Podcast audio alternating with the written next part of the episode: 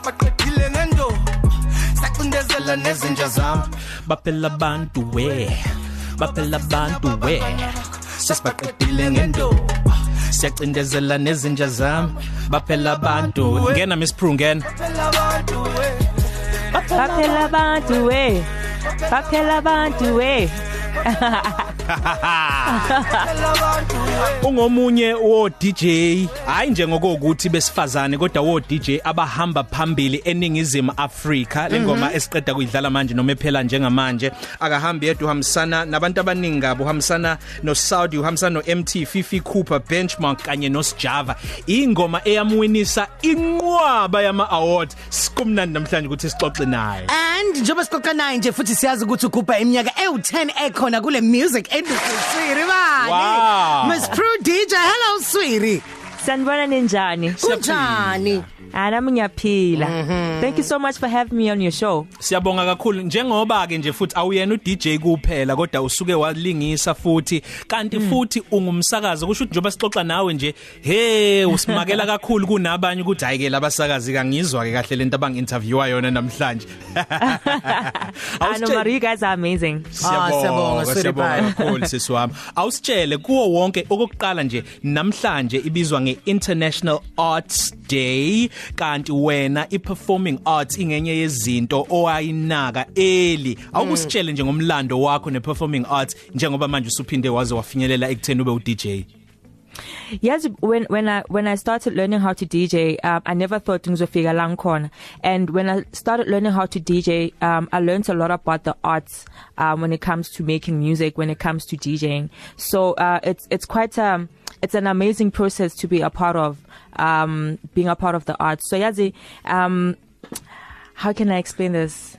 chaza ke there's been um look it's it's an emotional thing for me the arts you know like it's it's embedded inside of Miss Prue and like this day means a lot to me because um it's just a reflection of who we are as artists celebrating who we are in the industry. Um a lot of things um that we do people don't see don't see a lot of it but I'm just glad that the the little that they see they appreciate and and love.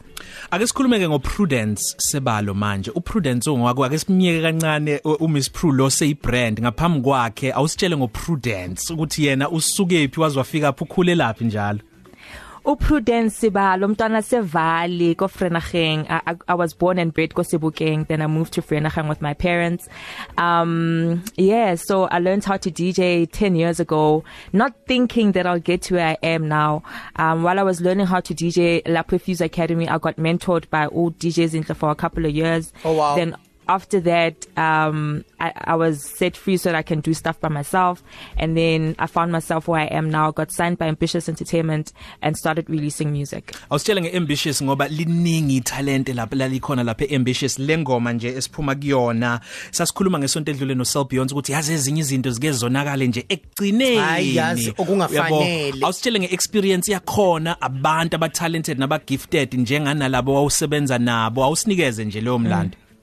Yazi abantu abe- abase-ambitious bonke they are individually talented especially like i'll start with the abantu labo ngisebenza labo o on ameni Mm. abo Java abo MT nabo Aries nabo Fifi Cooper ba, ba talented kakhulu mm -hmm. and then the the people that we have now they're also talented yazi angazi ukuthi bakhethwe kanjani kodwa nje laba bafikile manje like they are so amazing and um extremely talented and sometimes you know ngiyafuna ukuthi ngisebenze nabanye abantu ngaphandle but when i look lapha phakathi at ambitious Enter entertainment there's so much talent um there's enough for me to even do 10 albums cause nje wonke Wow. umuntu o talented kan- kanjalo Oh wow man. Lalela ke so eminyakeni eshumi edlule chaza ukuthi 10 years ago um ngabe indume yomculo noma the arts kuyilokho awucabanga ukuthi kuyikhona njengamanje noma ngesikhathi ngikhathi usungenile wawufuna ukuthatha ikhwama zakho ubale kuphinde emuva uthi hayi no mina ngiyifuni lento. Kaningi kanjani? You know uh, but like i said ukuthi lento it's embedded in me like ngiyithanda so much. Um i've I've always wanted to be like ngiyahamba la angisayifuna ukuyenza but something always calls me back and I find myself ngiyenza futhi. Um so in the past 10 years yeah this khona kulamalanga ngithi hayi no seng right manje. Let me go back to my profession. But i angeke ngibuyele ngikhona la. Mhlawumbe iziphi izinto eziholela lokho ukuthi uthi hey ngeke sengi right manje sengi right yini? Ingqinamba uhlangana nazo iziphi? Yazi sihlangana ne- nezinto eziningi and um i never always want to talk about like yazi as umfazane like in this as umfazi in this industry um sometimes can be a bit hard but um as isikhathi sihamba you get uyafunda ukuthi yazini um you do, you have to take things as a challenge ngeke uyithathe as like a, a defeat so when mm. now when i come across some challenges um ngenza sure ukuthi i learn from them and i don't crucify myself from the challenges. Mm. so ngiyafunda as time goes. Mm sixoxa no Miss Prue ohlelweni 1223 Cafe sogwinya mathe sengomeni soxoxa nawe ngalela ngifuna size sifike khona ile ngoma yakho la ohambisana no CC kanye no Black Diamond La Source Loyiso no Lisa enye futhi star studded lineup ngicabanga ukuthi le ngoma yakho izodla umhlanganisi isihloko sayo isondela. Kodwa ngale kwamanje sigwinya mathe Miss Prue bengaba mnandi ukuthi ube ingcenye yalokho njengoba nawe usuhambele ama music conference amaningi. Okubalwa kuyo.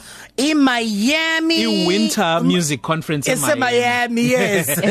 Yebo. Awusitshela ukuthi mawuhambela lama conference eh rubbing shoulders nabantu abadumile nasebebe impumelelo eh, emculweni. Eziphi izinto oyifundile? Yazi kakhulukazi wena njengoba u DJ u DJ uma lapha ya a DJ isikhathi esiningi yebo kube mnandi kodwa kungabi kuningi mhlambe kuyi performance yebo abanye ke manje sebeya add uthola ukuthi kuzoba nama percussions ne vocalist kube mnandi kuyiset yakhe. Kodwa iziphi wena izinto osuyithayisele njengo DJ noma njenge artist oyifunde kulama music conference? Yazi especially la ku music conference ase Miami back then babafundisa abantu kakhulu ukuthi um you need to usebenze kakhulu.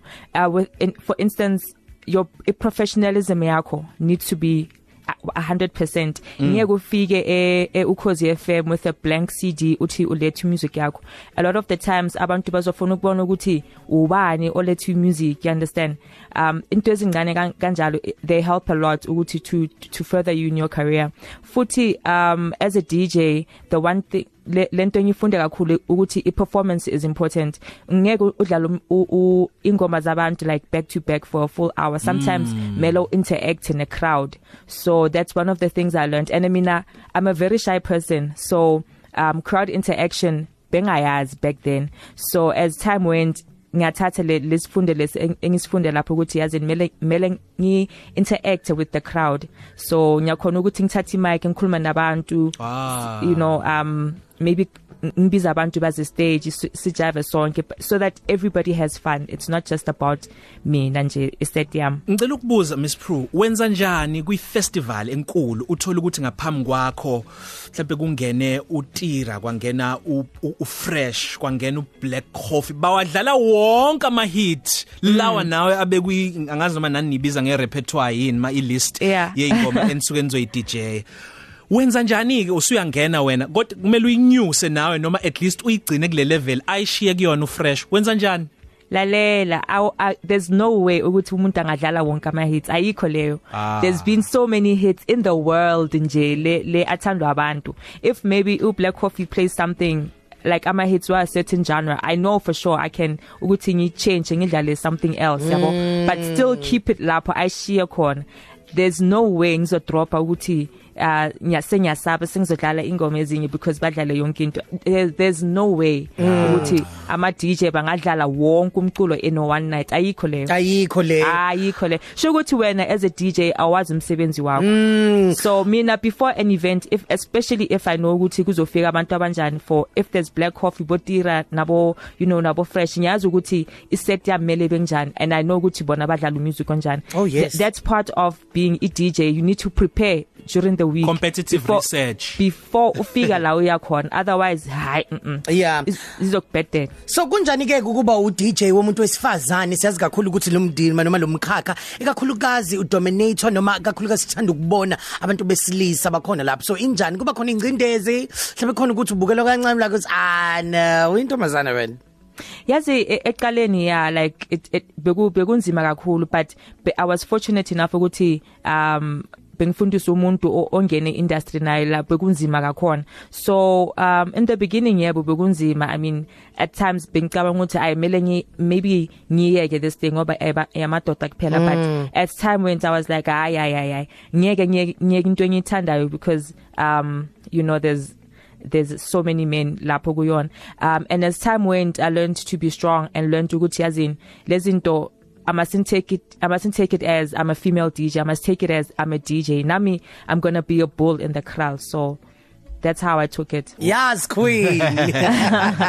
lalela uthola ama awards amaningi waba nama hits amaningi. Njengalena nje sidlalili amen. Ikhona enye futhi iphumelela nayo futhi ene star studded lineup. Yathola 2 million over 2 million views ku YouTube hayi kodwa manje sondela uthini ngale sondela kudidiyelwe bani kuyisondela? Sondela uhloseni. my dad yeah. Lapho kusondela ngisebenze no Loyiso ngisebenze no Black Diamond khona futhi no Sisi um La Source no Lisa this song yazi siyenze in the night. Mm. and uh, before this song we were making other music mara le yona lasted nje in the night and everybody was there. Bekumnandi be- bes- besi besi vibe sonke so the the the song just happened genuinely like Oh wow. so that's why it, it means a lot to all of us nje because sonke besilapho si si, si enjoy the moment.